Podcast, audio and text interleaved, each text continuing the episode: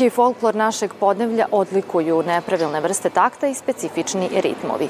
Iako se način pevanja, teme i ukrasi razlikuju od grada do grada, svaka pesma nosi određenu poruku. A na početku arterije govorit ćemo o vranjskoj muzici. Iz emisije izdvajamo Muzika Vranjskog kraja iz arhiva Muzikološkog instituta Srpske akademije nauka i umetnosti. Knjiga o Ćirilici čuvar našeg pisma. Otkrivamo i šta nas očekuje na ovogodišnjem festu.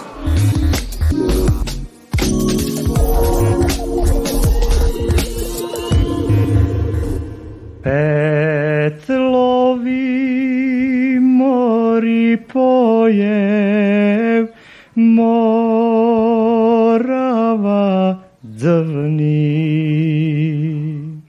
Serija izdanja na kojima su predstavljeni snimci iz arhiva Muzikološkog instituta Srpske akademije nauka i umetnosti čine neprocenljivo blago koje svedoči o raznolikosti naše tradicionalne muzike. Muzika Vranjskog kraja predstavljena je široj publici, a tim povodom gost arterije je Marija Dumnić-Vilotijević. Dobrodošli u arteriju. Hvala vam na pozivu. Po čemu je specifična i prepoznatljiva vranjska gradska pesma i koje teme su zastupljene? Vranjska gradska pesma je specifičan izraz e, gradske muzičke tradicije u Srbiji. Dakle, e, samosvojna je u odnosu na e, gradsku muziku, na primer Beograda ili Vojvodine i slično. E, nju odlikuje e, jedna melodijska gipkost e, i subtilnost u izvođenju, e, pevanje u gotovo govornom e, registru, ali i u dinamici. E, nije, nije prisutno mnoštvo e, ukrasa, ali je izuzetno osjećajno to njeno izvođenje. Takođe, ona inklinira i ka mešovitom ritmu, tako da je ona zaista i muzičko-strukturno jedan specifičan izraz muzičke tradicije u Srbiji.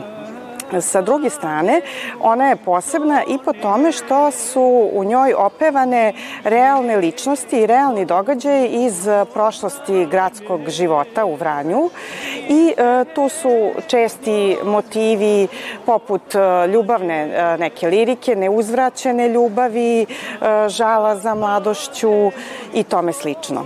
Šta je bio motiv za izdavanje ovog CD-a? Ovim diskom smo želeli e, da predstavimo bogatu zvučnu građu koja je pohranjena u Muzikološkom institutu SANU i koja je digitalizovana. Reč je o jedinstvenoj dokumentarnoj građi koja je snimljena na terenima širom Srbije. Do kakvih zaključaka ste došli proučavajući muziku Vranskog kraja, koliko je trajalo i kako izgledalo samo istraživanje? Moja skorašnja istraživanja u tom kraju su i terenska u okviru projekta Srpsko-Turske bilateralne saradnje i e, tamo sam imala priliku e, da e, razgovaram i da slušam izvođenja izuzetnog sagovornika i pevača Branimira Stošića, čiji je recimo otac pevao za potrebe upravo ovog diska. Ono što nije ušlo na ovaj disk u velikoj meri, ali se nadam da će naći prostora, dakle da se pojavi u nekom budućem izdanju, jeste romska tradicionalna muzika izvedena duvačkim sastavima stvarima. Na samom CD-u e, je e, jedna numera, dakle, koju je izvodio otac E, Branimira Stošića, gospodin Jovan Stošić Kace. E, tako da je na ovaj način e, postalo i njegovim naslednicima dostupno da e, čuju kako su njihovi preci zapravo izvodili i e, ne samo za gospodina e, Stošića, već i za e, potomke drugih e, interpretatora čije su e, izvođenja ovde zastupljena.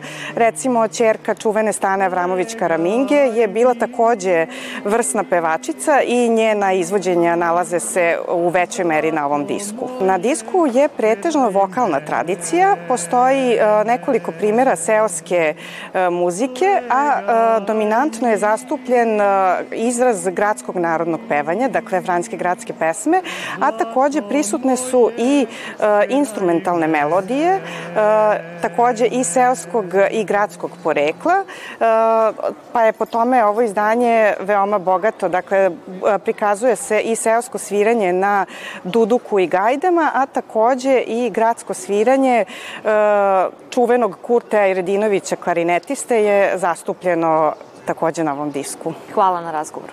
Hvala vama.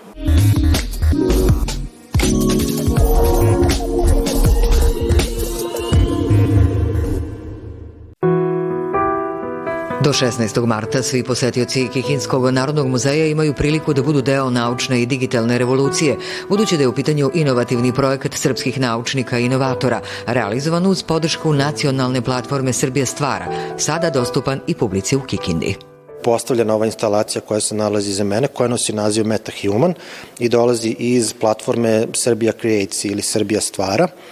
Uh, MetaHuman je zapravo rekonstrukcija čoveka iz Lepenskog vira koji je živeo pre oko 10.000 godina. Autor ovog projekta je doktorka Sofija Stefanović sa Filozofskog fakulteta u Beogradu. Zaokružujući sam tematski okvir u Kikinskom muzeju toko je sad već tradicionalni festival arheološkog filma, a deo pratećeg programa su i zanimljive radionice. Arheološki filmovi, jedan tradicionalni program koji se odvija u našem muzeju 10 godina, možda i više, u saradnji sa Narodnim muzejom Srbije, a drugi program su radionice u muzejskom klubu, koje su namenjene pre svega školskoj populaciji, predškolcima, porodicama sa decom. One su koncipirane tako da prate temu, dakle one su arheološke. Poseta muzeju uvek je zanimljiva edukacija, drugačija i deci bliža od uobičajenog školskog časa. Ovo je zanimljiviji čas od e, običnih u školi. Moja generacija malo manje dolazi u muzej, mislim, ne znam što, ovo je jako zanimljivo. Pošto imam dva mlađe brata kod kuće, onda njima isto sve to ispričam, iako će oni vjerojatno ovde dolaziti kad budu stariji. Ne dolazimo baš tako često, ali e, zanimljivo je svaki put kad dođemo. I kad dolazimo u muzej, mogli bi nekad da obiđemo ceo muzej. Antička žena na Balkanu, srednjovekovna moda kad su kamile šetele Balkanom, neki su od naslova ostvarenja sa ovogodišnjeg festivala arheološkog filma. U sali Kikinskog muzeja projekcije su od 18 sati, a ulaz je slobodan. Za učenike osnovnih i srednjih škola organizovani su dnevni, reprizni termini projekcija.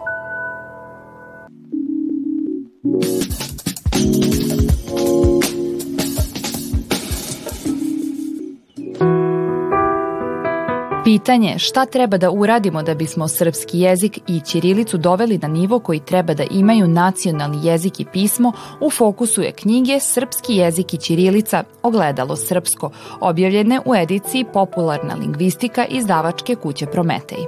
Problem Ćirilice, gledano kroz istoriju, jeste što se uvijek doživljavala kao nešto nacionalističko zapravo ne kao e, pismo jednog naroda, već kao jedan nacionalistički izraz, što ona zapravo nije, jer ona datira od najraniji spomenik koji imamo, odnosno evanđel, Miroslavljevo evanđelje s kraja 12. veka pisano je Ćirilicom. Kasnije imamo Dušanov zakonik, takođe pisan Ćirilicom, tako da jedna duga istorijska tradicija u kojoj je čuvana sva naša srpska kultura.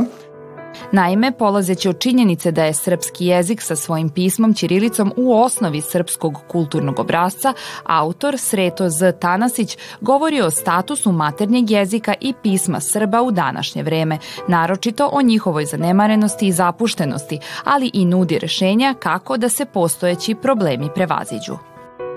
Autor daje veoma konkretne predloge pozivajući institucije nadležne, pokušava da dođe do nekog uh, jezičkog političkog razrešenja, da se utvrdi prosto jezička politika, čime ćemo osigurati taj legat koji imamo, čime ćemo osigurati budućnost i jezika i pisma, odnosno ćirilice, ali poziva izdavačke delatnosti, što je jedan od najlogičnijih mogućih poteza što mi kao Srbi možemo da uradimo, odnosno država, da učbenici budu štampani ćirilicom, da većina knjiga bude štampana ćirilicom, bez obzira na to da li će uticati na, na čitalačku dostupnost. Kako primećuje profesor dr. Veljko Brborić, recenzent, rukopis knjige je brižljivo pripremljen, slepim jezičkim osjećanjem za meru, uvek sa jasnom namerom da poduči i da otkloni dilemu. Objašnjenja su korektna, teme aktuelne i to ovoj knjizi daje dodatnu vrednost. Uz konstataciju autora da je jedan narod jak koliko mu je jaka kultura, podsjećamo vas i na dragocenu činjenicu da je Bajna bašta prva i jedina opština u Srbiji koja je jednoglasno usvojila usvojila deklaraciju o zaštiti i negovanju Ćirilice.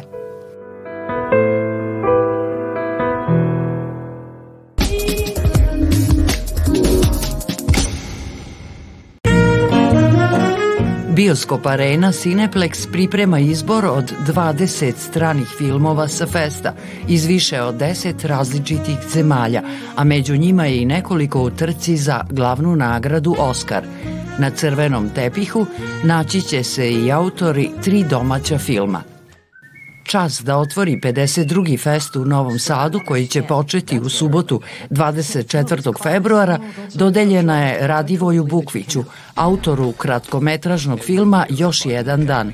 Reč je o scenarističko-rediteljskom prvencu i jednoj od tri premijere domaćeg filma.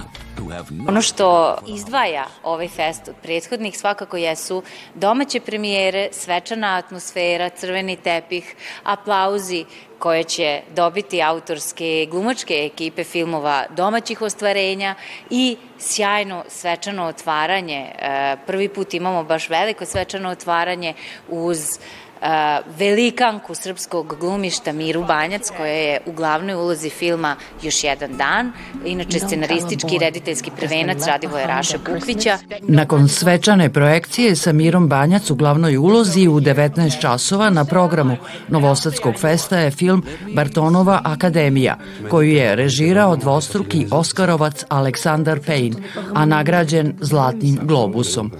U trci za Oskara su i filmovi Anatomija pada i Zona interesa, oba sa Sandrom Hiller u glavnoj ulozi.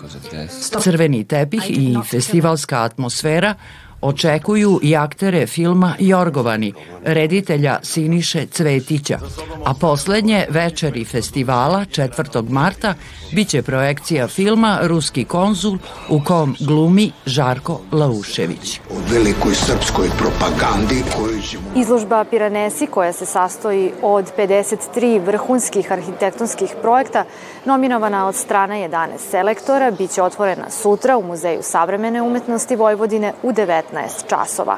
To je naša preporuka, a vi nas gledajte i sutra u dobro poznatom terminu. Prijetno!